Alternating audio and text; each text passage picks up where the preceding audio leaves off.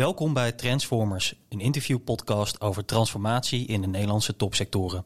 Ik ben Sebastian van Essen, marketeer bij T-Systems en voormalig innovatiereporter bij het FD en Nu.nl.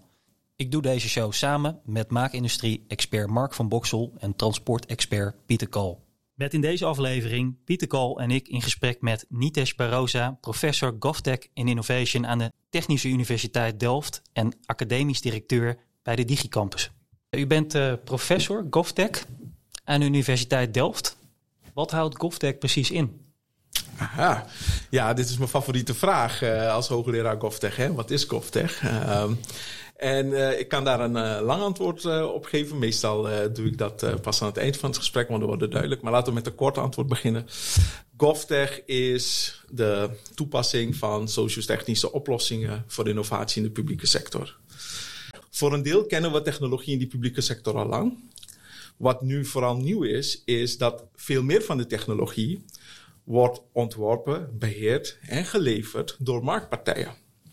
En dat is wel een verschuiving. Uh, een verschuiving die nieuwe kansen biedt, maar ook enkele risico's met zich meeneemt. Kun je iets meer over de risico's vertellen? Ah, um, ja, ik had al vermoeden dat je dat uh, wilde vragen. Hè?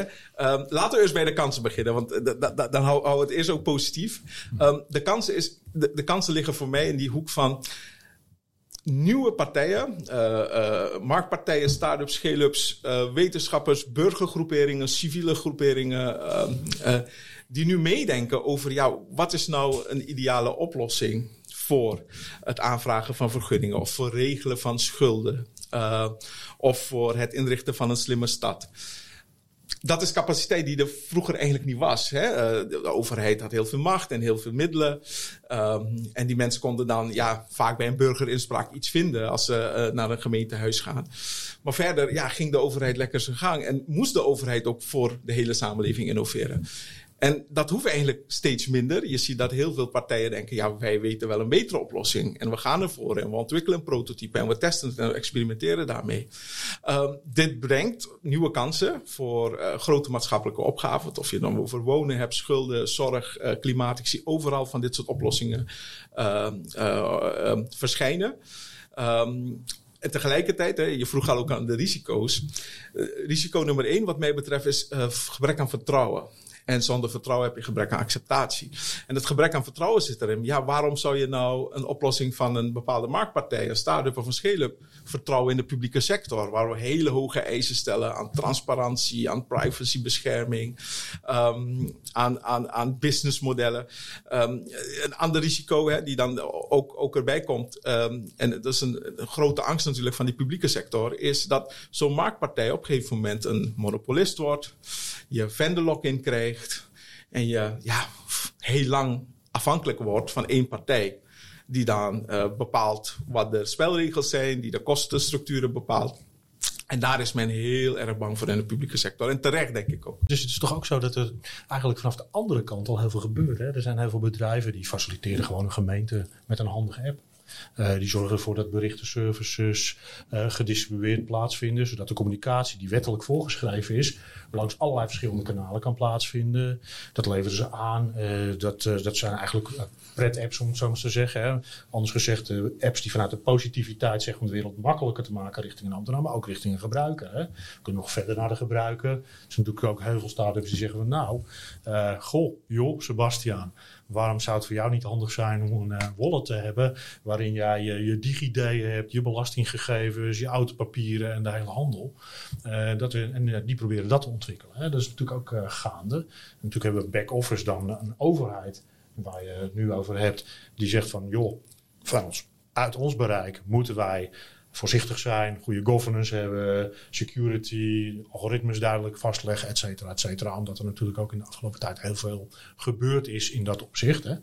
Uh, maar die positieve kant van die snelle ontwikkeling, het makkelijk maken, het loket dat eigenlijk meer flex wordt, die is er toch ook? Ja, nee, absoluut. Um, en wat ik, wat ik mooi vind uh, in je beschouwing, Pieter, is eigenlijk hoe, hoe beide kanten met elkaar itereren. Hè? Uh, meeste van de start-ups en scale-ups die ik spreek uh, rond GovTech, die zijn helemaal niet bezig met businessmodellen en, en, en, en, geld verdienen. Die, die, kijken echt, er is een maatschappelijk probleem, we zouden het zo kunnen oplossen. En er zit gigantisch veel energie in. Um, op een gegeven moment na enkele demonstraties te geven bij verschillende publieke organisaties en steeds te horen, ja, we laten u weten hoe we hiermee verder gaan. Um, zie je ook dat een beetje weg hebben, want er is een soort hoop ook van ja, als je dit goed doet, dan is die overheid daar voor jou als launching customer. Of je mag dit zonder meer gaan toepassen. Uh, uh, burgers mogen het morgen gebruiken. Um, en dat is niet vanzelfsprekend in de publieke sector. Um, precies ook wat, wat Pieter aangeeft. Hè. Um, je, je hebt daar best wel hoge eisen. Je hebt een zorgplicht van die overheid die zorgvuldigheid wil. Die wil afgewogen besluiten kunnen nemen hierover. Die wil ook zekerheden hebben. Hè wie is nou hiervoor verantwoordelijk? Wat als het misgaat? Uh, beste staat op verschillen. Ben je voor tientallen miljoenen verzekerd? Hè, ben je dan liable uh, in het geval van discriminatie of dataverlies? en daar zie je dat het heel ingewikkeld wordt voor één partij om die hele overheid bij wijze van spreken te moeten overtuigen. En mijn advies is dan ook vaak, ja, probeer niet alleen in je eentje dit nu als nieuwe standaard neer te zetten proberen een coalitie te bouwen met andere partijen. Zowel andere uh, aanbieders, maar ook uh, uh, partijen die dit willen gaan gebruiken. Waarmee je met elkaar laat zien, ja, dit zijn de afspraken die we maken. Um, dit zijn de criteria die we zelf hebben op toezicht en toepassing en gebruik door mensen. En vanzelf, er eh, ontstaat vanzelf een, een afsprakenstelsel waarop we kunnen leunen. Waarop enige vormen van afspraken zekerheden weer geven aan beleidsmakers die uiteindelijk kunnen bepalen, ja, uh, moeten we wel hiermee verder of niet? Moet er een grote aanbesteding hierop komen of hoeft dat niet? En kunnen partijen een eigen businessmodel hierop uh, loslaten?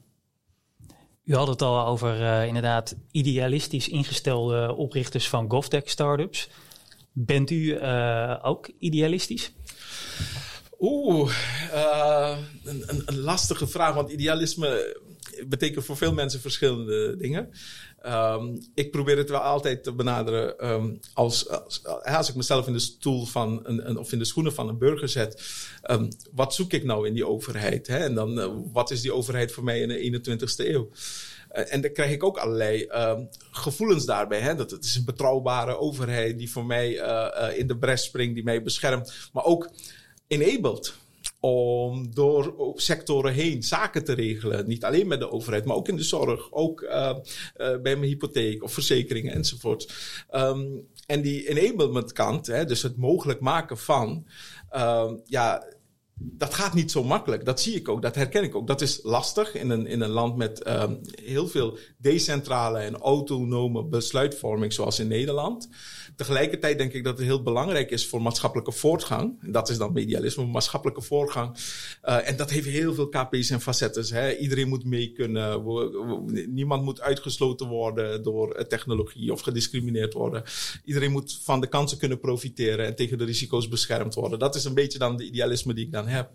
Um, en tegelijkertijd besef ik ook, ja, uh, dat is heel moeilijk voor één persoon of één onderneming of voor één, één instituut alleen om te regelen. Dat moeten we met elkaar gaan regelen.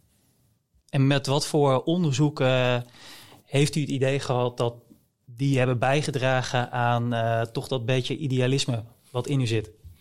Um, ja, dat is uh, uh, een van de mooiste dingen van mijn werk, uh, denk ik altijd. Hè. Een deel van mijn werk is studenten inspireren langs onderzoek. Um, en ook via dat onderzoek probeer ik beleidsmakers te inspireren over de mogelijkheden en onmogelijkheden. Een onderzoek die ik, dat, dat ik in even kijken, 2018 had afgerond was op het toepassen van IAIDA's vertrouwensdiensten in Nederland. En toen was het nog relatief nieuw. IAIDA's is een, is een Europese verordening die uitlegt wanneer wij digitale identiteiten en digitale handtekeningen uh, kunnen vertrouwen. Wat voor eisen we daaraan stellen.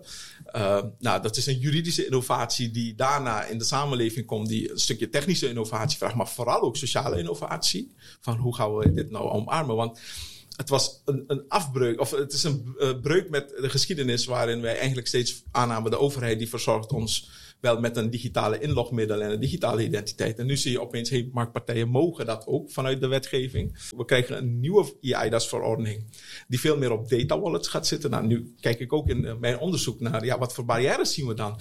Wat kun je nu al verwachten aan allerlei weerstand van partijen, aan allerlei technische eisen aan dit soort wallets? Um, en dat probeer ik op papier te brengen en ook weer te voeden. Hè? Niet alleen wetenschappers die daar uh, dan een stukje over lezen, of ook mijn studenten en onderzoekers, maar ook beleidsmakers. Van hier, dit heb ik gevonden en wat wilt u nog meer weten? Wallets, uh, daar, is, daar heeft u ook een aantal keren over uh, geschreven, zag ik. Wat is precies een data wallet? Ik, ik denk dat dit een van de game changers is in de, in de digitale samenleving. En ik zal het even toelichten voordat we tot een definitie komen. Voorheen, of tot nu toe, hè, ik denk dat het voor veel mensen geldt. Als je even stil stilstaat, waar staan jouw gegevens? Echt even stilstaat, dan besef je op een gegeven moment, je op heel veel verschillende plekken. Een deel bij de overheid en dan niet één organisatie, maar meerdere organisaties, eh, SVB, Duo, uh, Belastingdienst enzovoort. Het, het staat bij jouw uh, hypotheekverstrekker, bij je bank, je verzekeraar. En noem maar hoeveel abonnementen je nog verder hebt waar jouw gegevens in staan. En um, er werd al heel lang in, in, in um, verschillende wet- en regelgevingen ge, gepleit voor. Ja, de burger moet meer controle krijgen. Je moet meer grip hebben. Maar ja, dat is heel moeilijk als jouw gegevens achter een portaal staan bij een andere organisatie. En die organisaties waren ook gewend om jou zo te bedienen. Hè? Dus op basis van de gegevens die ze hebben, krijg je een dienst terug. Nou, dat, was, dat was de oude wereld. Wat die wallets mogelijk moeten gaan maken, um, is een ketenomkering. Dat die data uiteindelijk uh, niet bij al die verschillende uh, uh, leveranciers, publiek en privaat, zit achter hun portaal, in hun datasystemen. Maar dat die data, of in ieder geval ook een kopie van die data, bij jou zelf zit. In een kluisomgeving die virtueel via je telefoon te bedienen is, maar natuurlijk in de cloud staat, beveiligd, alleen voor jou toegankelijk is. En waarom is dit nou een game changer? Um, het zou op termijn een hele moeilijke vraag moeten beantwoorden. Namelijk, wie beslist welke data voor welke toepassingen gebruikt mogen worden? Vroeger, of in de, nou, nog steeds in die oude wereld, um, gaat dat per dienstverlener. Die moet dan bepalen, ja, mag ik jouw inkomensgegevens delen met bijvoorbeeld een schuldsaneringsdienst? Um, ja, dat is een ingewikkelde afweging. Uh, wanneer mag het, wanneer niet? Hè? En uh, er spelen allerlei regelgeving. En de AVG legt daar ook terecht ook restricties op. Um, en wat je ziet in feite in de Europese wetgeving is, is een soort ketenomkering uh, neergezet. Waarbij de individu straks die verantwoordelijkheid krijgt. Bepaal jij zelf, als jij je gegevens wil delen met bijvoorbeeld zorgverleners, zodat je meer maatwerk dienstverlening kan krijgen. Of als je in de toekomst je data wil, wil, wil gaan aanbieden voor uh, persoonlijke medicatie die op jouw kenmerken is ingericht, dan is het aan jou. Jij mag die keuze maken. Dus we zien een enorme omkering daar. En voor een deel leidt dat inderdaad, of de verwachting, het, we, weten het nog niet, maar de verwachting is dat dit tot heel veel innovatie zou kunnen leiden als jij zelf en niet instituten, maar jij zelf bepaalt, oké, ik wil mijn data voor die en die en doel, die doeleinden tegen die voorwaarden gaan delen en dan wil ik er dat voor terug. Gepersonaliseerde financiële overzichten, gepersonaliseerde medische uh, uh, behandelingen enzovoort. Dus die belofte uiteindelijk hè, van really personalized, um, dat is heel moeilijk in te vullen als jouw data zo versnipperd is tussen al die instanties. En die instanties onderling dat niet zomaar mogen uitwisselen. Dan moet er een juridische basis voor zijn. En nu, ja, als je hem omdraait, als jij het zelf kan ophalen en delen, ja, dat verandert wel wat. En daarom vind ik het een game changer die niet alleen in de publieke sector, maar dwars over al die sectoren waar we als mens in wonen, in leven, in werken, um, uh, enorme innovaties teweeg kan brengen. Wilt u uh, een, ook een alternatief creëren voor DigiD? Um, uh, ja, of ik per se een alternatief wil creëren, die, die komen. Um, dus en, en dat heb ik niet besloten. Dat hebben we, uh, heeft de Europese Commissie al in een verordening in 2014 neergezet. Dat, er, hè, dat online zaken doen een serieuze aangelegenheid is. Dat we heel veel vertrouwen nodig hebben om data vrij te kunnen uitwisselen. Om te kunnen innoveren in de digital single market die Europa graag nastreeft. En daar is dus vastgelegd, ja, de eisen voor digitale inlogmiddelen, identificatie, authenticatie, autorisatie. Hè, wordt gevat onder een, mooie term, vind ik, vertrouwensdiensten. Hoe regelen we dat in?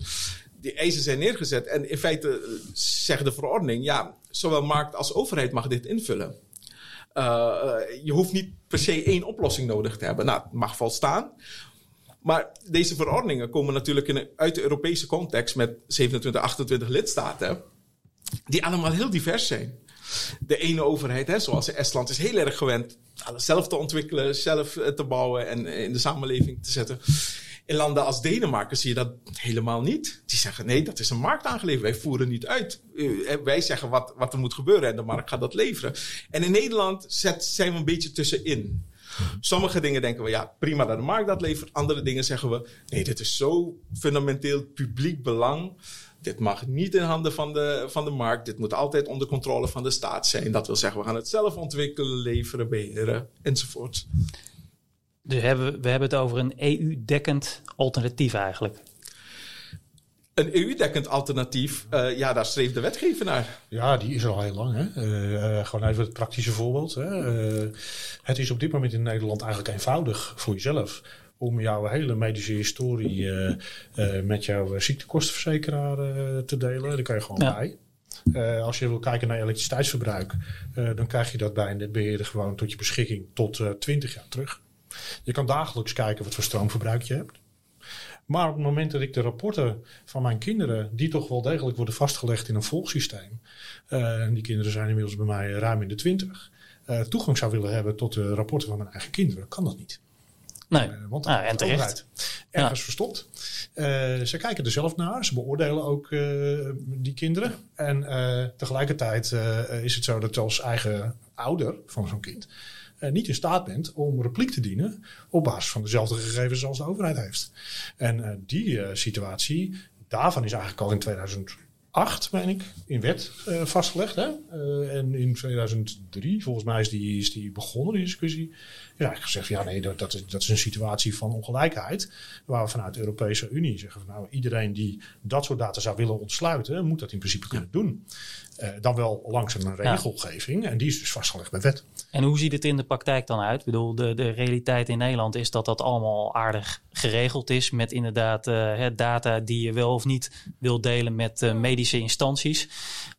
hoe zit dat in andere EU-landen? Nou, kijk, als je kijkt naar wat er in Nederland aan de hand is, dan is het eigenlijk zo dat er, uh, als ik hem, uh, even, wij zijn T-Systems, een systeemintegrator. Wij kunnen een dienst bieden aan, aan een overheid of semi-overheid, waarin wij hun helpen om systeemintegratie te regelen, onderling. Ben je nou reclame aan het maken hier? Uh, nee dat helemaal niet. Dat kan elk IT-bedrijf. Uh, maar een willekeurige start-up kan, een, kan, een, kan zoiets uh, aan een overheid verkopen en die dienst ook leveren kan ook zelfs als dienst geleverd worden. Hè. Dat hoeft niet eens meer een verkoop te zijn van, uh, van, van, van iets wat in bezit komt van de overheid, maar wat als dienst geleverd wordt.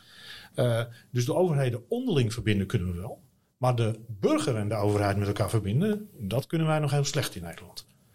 En daar ben ik ook op benieuwd. Hè? Hoe denk je dat we dat zouden kunnen verbeteren? Zie je daar initiatieven? Uh, op, ja, op, op, op, op diverse fronten.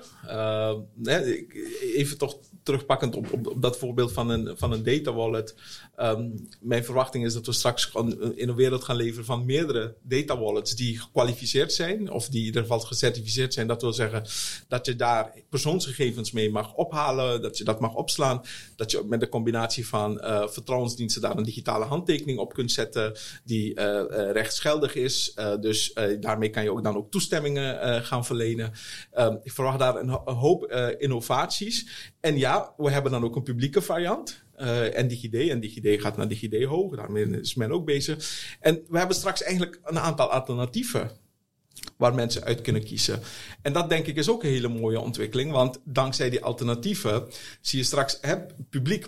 E-, een van de uitdagingen van, over, van de overheid is altijd ja, universal access, universal service. Het moet voor iedereen toegankelijk en beschikbaar zijn en op één manier werken. Um, de markt die is vaak wel wat, uh, die, die mag meer kiezen. Die gaat segmenteren. Die zegt nou, ik focus me op die en die doelgroepen. En mijn customer journey via mijn data wallet gaat zich erg richten op zorg. En mijn customer journey gaat zich heel erg richten op onderwijs. En die andere veel meer op uh, financiën. Dus je, je ziet allerlei innovaties die straks mogelijk worden doordat uh, de, we de mix krijgen. En dat is denk ik de essentie in feite van GovTech. Het hoeft niet publiek versus privaat. Het kan en en. Een heel mooi voorbeeld denk ik is in de, in de Maas. Uh, als je gaat kijken naar, uh, naar, naar ticketing. Uh, er was het een aantal Mobility as a service? Uh, ja, inmiddels mobility as a service. Hè. Uh, maar je, je, kan, je kan nu in de meeste bussen, treinen en, en dus ook bij je taxi, bij wijze van spreken, betalen met een creditcard, met je telefoon, met een, met een, met een code die iets vastlegt aan je bank, wat eigenlijk geen creditcard is, maar gewoon een telefoon. Hè. We zien het wel als een creditcard, maar het is gewoon een functie die ergens anders op is gezet. nou, zo heb je ook altijd nog het staatsalternatief in de OV. Dat is dan de, de, de bekende e-ticket die wij kennen van uh, de OV-chipkaart. Uh, maar er is in feite zijn er heel veel alternatieven gemaakt. Elk geldig betaalmiddel kan je inmiddels gebruiken als een valide document waarmee je kan reizen. Want de betaaltransactie is inmiddels eigenlijk ook gewoon je reisdocument. Je contract wat je hebt op het moment dat jij daadwerkelijk aan het reizen bent. Uh, dus een heel mooi voorbeeld van hoe het samen kan gaan. Ja, waarbij data gedeeld worden. Uh, en dat is wat ik me ook nog uh, afvraag. Hè? Want aan de ene kant zien we al jaren in de markt dat we middels API's of andere systemen data meer en meer willen delen. Hè? De, de data-economie. maar tegelijkertijd zie je tegenwoordig ook een beetje een tendens waarbij platformen steeds meer data afschermen. Zoals LinkedIn, die geen API's meer deelt, al, al jaren niet meer. Een, uh, een Twitter die zegt van we willen ervoor zorgen dat uh, Open API niet ons uh, kan scrapen. en natuurlijk zijn dat niet per se diensten die je nodig hebt voor, voor GovTech. Maar hoe, hoe, ziet, hoe kijkt u daar tegenaan? Um, ja, ik, ik vind het een heel belangrijk vraagstuk. Uh, data is eigenlijk de grondstof voor, voor veel van dit soort innovaties.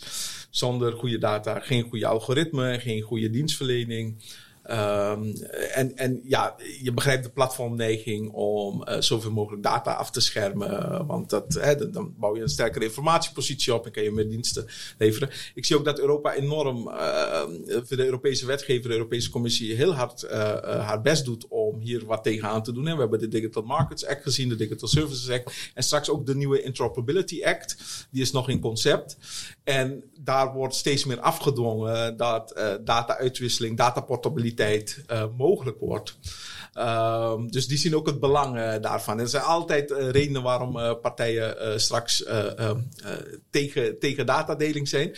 En combineer dit nou met het idee ook van dat die burger straks kan bepalen. Hè? Dus dat, dat, dat, dat het via de burger, dat de burger de integratiepunt wordt voor overheid en, en, en, en samenleving, voor publiek en privaat. Dus dan kan, die, kan de burger zelf zijn of haar data ophalen en weer aanbieden aan een andere leverancier. Dus dat soort mechanismes, die, die, die, die zie je, die, die zijn nu in ontwikkeling. De tooling begint in ontwikkeling te komen. We hebben nog heel veel discussies en dat kost ook tijd over ja, hoe willen we dit straks uh, lanceren, omarmen, wat voor vangrails zijn er nodig voor burgers straks. Hè? Want um, we zijn heel enthousiast over de mogelijkheden van datadeling, ik ook.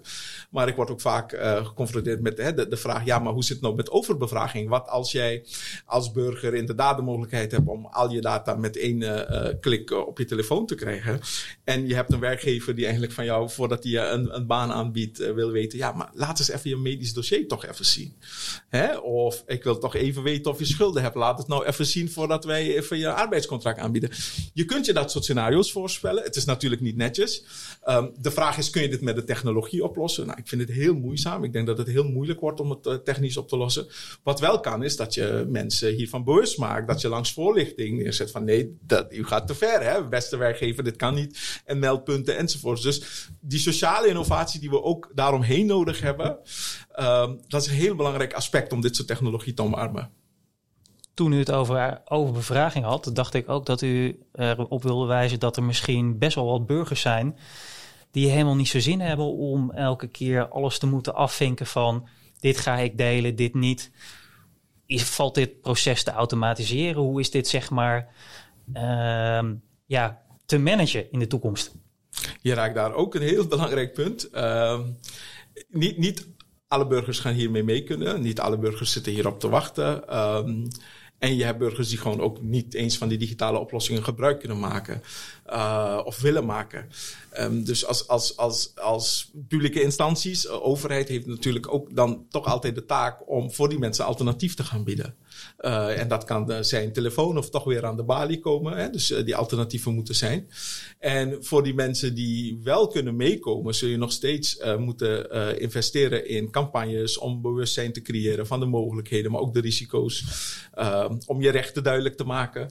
Uh, want ja, dit soort technologie eenmaal uh, straks in gebruik, ja, uh, dwars over sectoren. Ik, ik, ik, kan me niet eens voorstellen wat voor nieuwe use cases er op het landschap liggen. Maar we gaan die zien de komende tijden.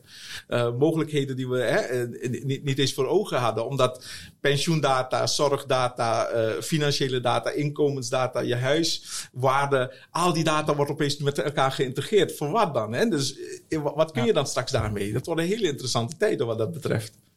De markt aan AI is nu aan het exploderen door uh, OpenAPI. Uh, OpenAI. Uh, wat, uh, ja, wat vindt u van ook een groep prominenten die zegt... we moeten pas op de plaats maken. we moeten beter eerst begrijpen wat AI voor impact heeft op de samenleving. Ja, ik, ik begrijp de oproep. Uh, maar ik denk dat we snel eens over kunnen zijn dat het niet heel realistisch is. Hè? Dat uh, partijen dat gaan doen. Er is een uh, enorme innovatiedrang om koploper te worden op AI. Als bedrijf, maar ook als land en als regio. Hè? Europa Digital Decade wil ook vooruitlopen op AI. Um, dus het is niet per se juist. Ik snap de oproep wel, de angst. Hè, van we begrijpen het nog niet zo goed. Uh, uh, uh, we hebben nog niet de juiste vangrails in de samenleving. Um, en wat ik dus eigenlijk hieruit juist lees, of in ieder geval de oproep naar mij is: ja, we moeten dus sneller worden. We moeten de capaciteit ontwikkelen om sneller de vangrails te gaan bouwen. Um, want ja, die technologie komt niet meer alleen uit Nederland of uit Europa, wereldwijd. Nou, dat is ook zo. En kijk, er zijn natuurlijk, ik vind het wel interessant, hè, als ik er ook in mag haken. Uh, we zijn allemaal gewend aan wat dan vroeger de weekamp-assistent heette.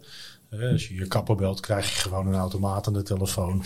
Uh, en die vertelt jou uh, wanneer er een tijdslot is. En die overlegt ook met je wat je eventueel aan voorkeuren hebt. en die plant een afspraak met je. Het wordt volledig geautomatiseerd gedaan. Geen enkel probleem, niemand zit ermee. Als ze met bol.com uh, of een andere mooi bedrijf een pakje bestellen, dan komt er geen mens aan te pas. Het enige is dat er nog een auto is waar een chauffeur in zit. En voor de rest hebben we het eigenlijk niet meer over mensen, maar over robots die dingen doen. En daar zijn natuurlijk heel veel toepassingen die gewoon werken. Um, het wordt spannend op het moment dat we opeens een tekstgenerator zien waar we zelf vragen aan kunnen stellen, wat dan als een brein gaat antwoorden. Ehm, dan wordt het spannend. En daar zijn mensen massaal mee aan het experimenteren geslagen op dit moment. Maar dat is natuurlijk geen nieuwe ontwikkeling. Uh, het is iets wat al lang gebeurt. Um, uh, het is alleen een overshoot. Hè? Uh, ik kan me nog goed herinneren dat de eerste autonome drive-oplossing in een auto werd neergezet. En die was er gewoon. Hè? Alleen je mocht hem in het land niet officieel niet gebruiken. dus komt er dan regelgeving en wordt er die overshoot weer teruggezet naar een undershoot. Waarbij we zeggen, nou hier is het een beheersbaar verhaal. En ik, ik denk eerlijk gezegd dat we dat nu ook zien uh, in, in, de, in de Gen AI-omgevingen. Uh, en, en dat ja, dat, dat, vergt wat, uh, dat, dat vergt wat nadenken. En, en daarbij is natuurlijk het sociale aspect echt belangrijk.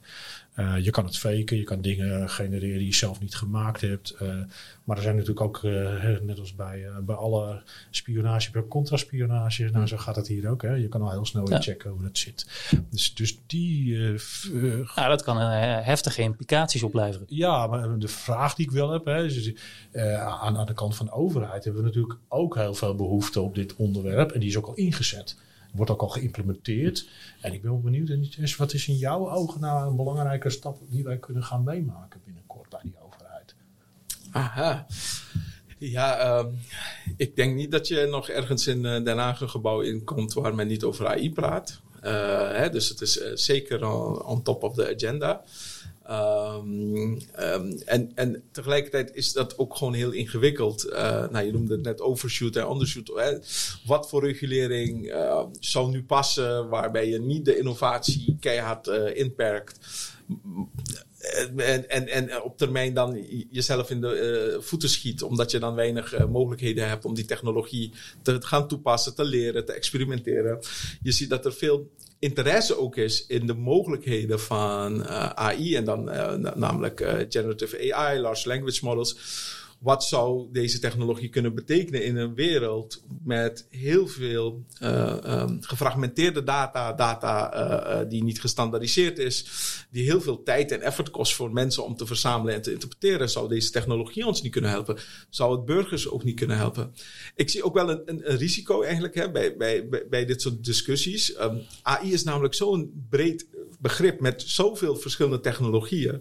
uh, dat veel van die. Uh, voor, voor iedereen is AI nu ChatGTP. En uh, ik probeer altijd dan uit te leggen: nee, hij is heel breed. Het is een systeemtechnologie en je kent verschillende variaties. Want ik ken ook andere toepassingen van AI. Een, een, mooi voorbeeld uit Nederland is een, um, een dienstverlener. Nou, ik probeer er geen reclame te maken, maar die.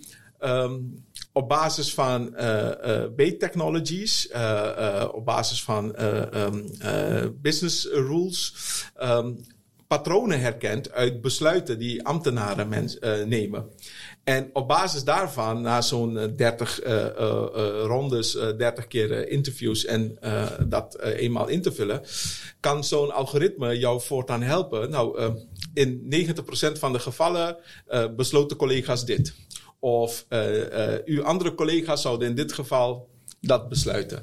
Um, dit soort technologie, dat, dat, veel meer eigenlijk onder beslisondersteunende technologie zit, mm -hmm. dat is ook heel waardevol. En uh, je ziet dat mensen daar ook hè, graag mee aan de slag willen. En tegelijkertijd een soort angst hebben ontwikkeld. Ja, mag dit? Het is AI en, en hoe zit dat dan? Um, dus daar zie je dan hè, potentiële remmen van technologie die heel veel waarde kan hebben. Dus hè, daar moeten we zeker ook goed naar kijken. Ja, tegelijkertijd heeft hij ook uh, in een andere tekst uh, op, op iBestuur uh, geschreven over vooringenomen algoritmes. Algoritmen. Um, hè, dat sluit ook aan op wat er eerder helaas gebeurd is bij de fiscus. Toe, toeslagenschandaal, waarbij sommige mensen op bepaalde zaken zijn geprofileerd waar ze ja, niet op geprofileerd hadden mogen worden. Um, er, er, is dus duidelijk, er zijn duidelijk risico's uh, als u naar die zaak kijkt. Wat, wat hadden we beter kunnen doen? Ach, uh, ja, ik denk een hoop dingen, want het is niet één, uh, één onderdeel die je alleen kan uitpakken en zeggen, ja, dat, dat hadden we uh, beter kunnen doen en was alles goed. Ehm, een hoop falen hebben we daar gezien. Hè? Op bestuurlijk niveau, op leiderschapniveau, op institutioneel niveau, checks en balances. Maar uiteindelijk, als je doorcijpelt naar de technologie, um, ja, vraag ik me dan altijd ook af: hè, hoe heeft zo'n algoritme nou zitten leren? Hmm.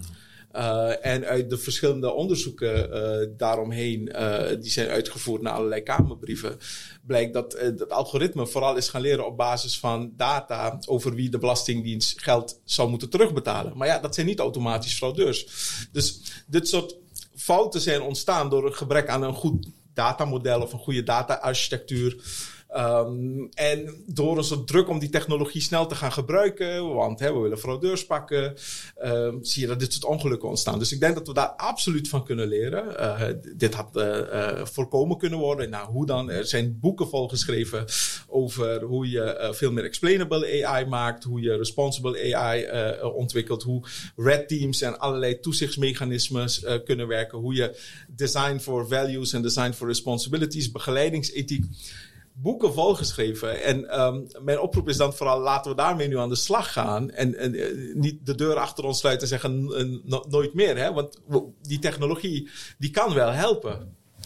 Um, maar dan moeten we anders mee omgaan. We moeten een ander proces inrichten om de kansen hè, uh, te gaan benutten en de risico's te minimaliseren. Ah, zo'n boeiend.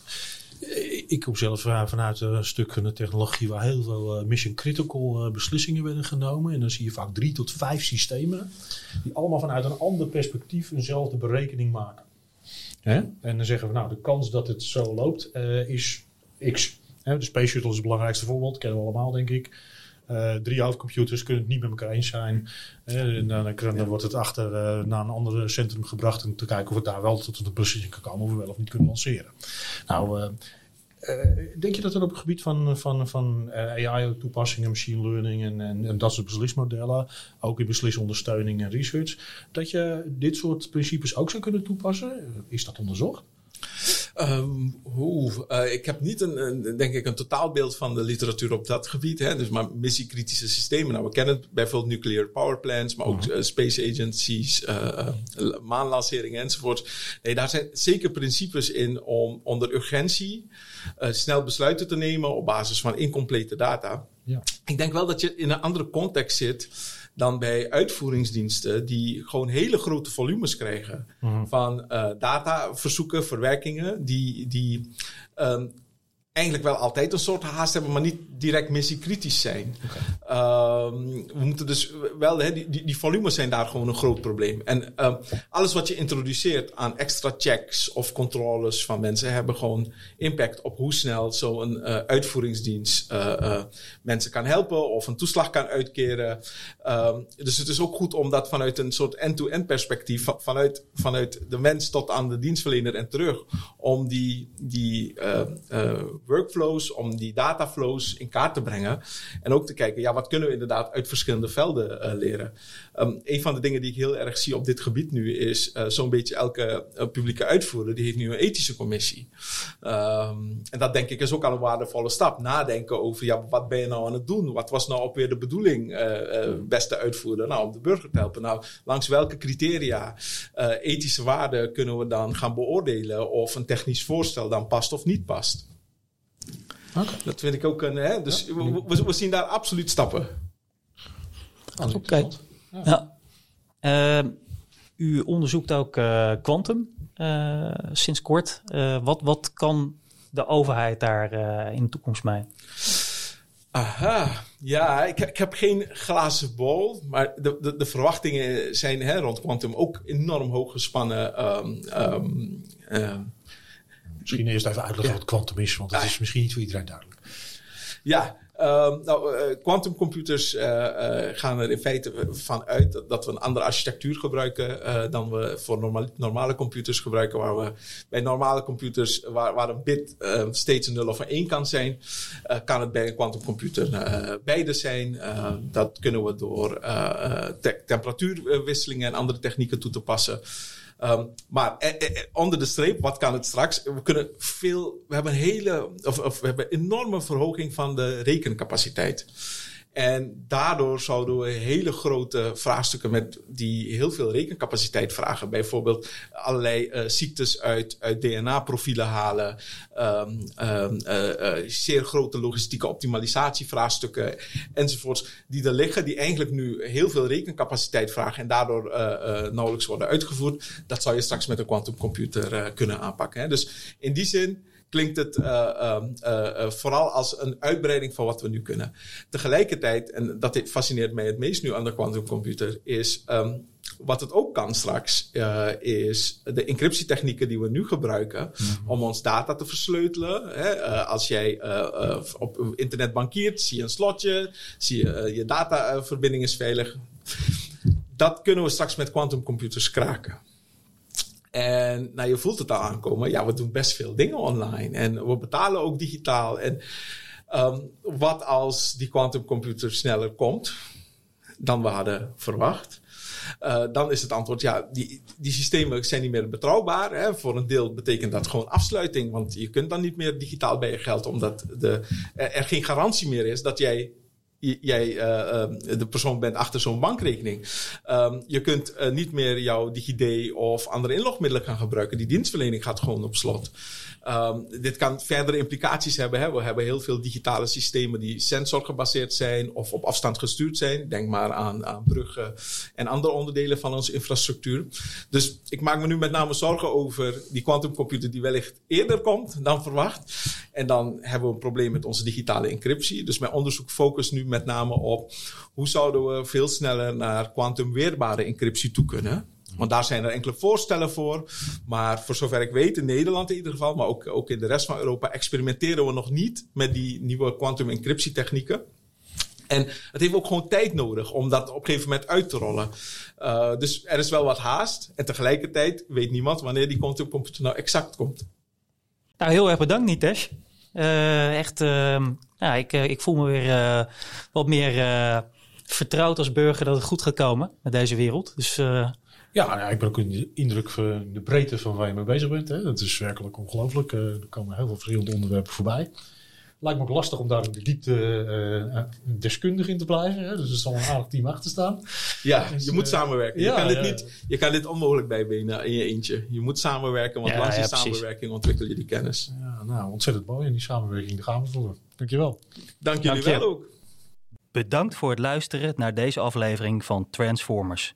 Ga naar t-systems.com slash nl slash podcast voor andere afleveringen.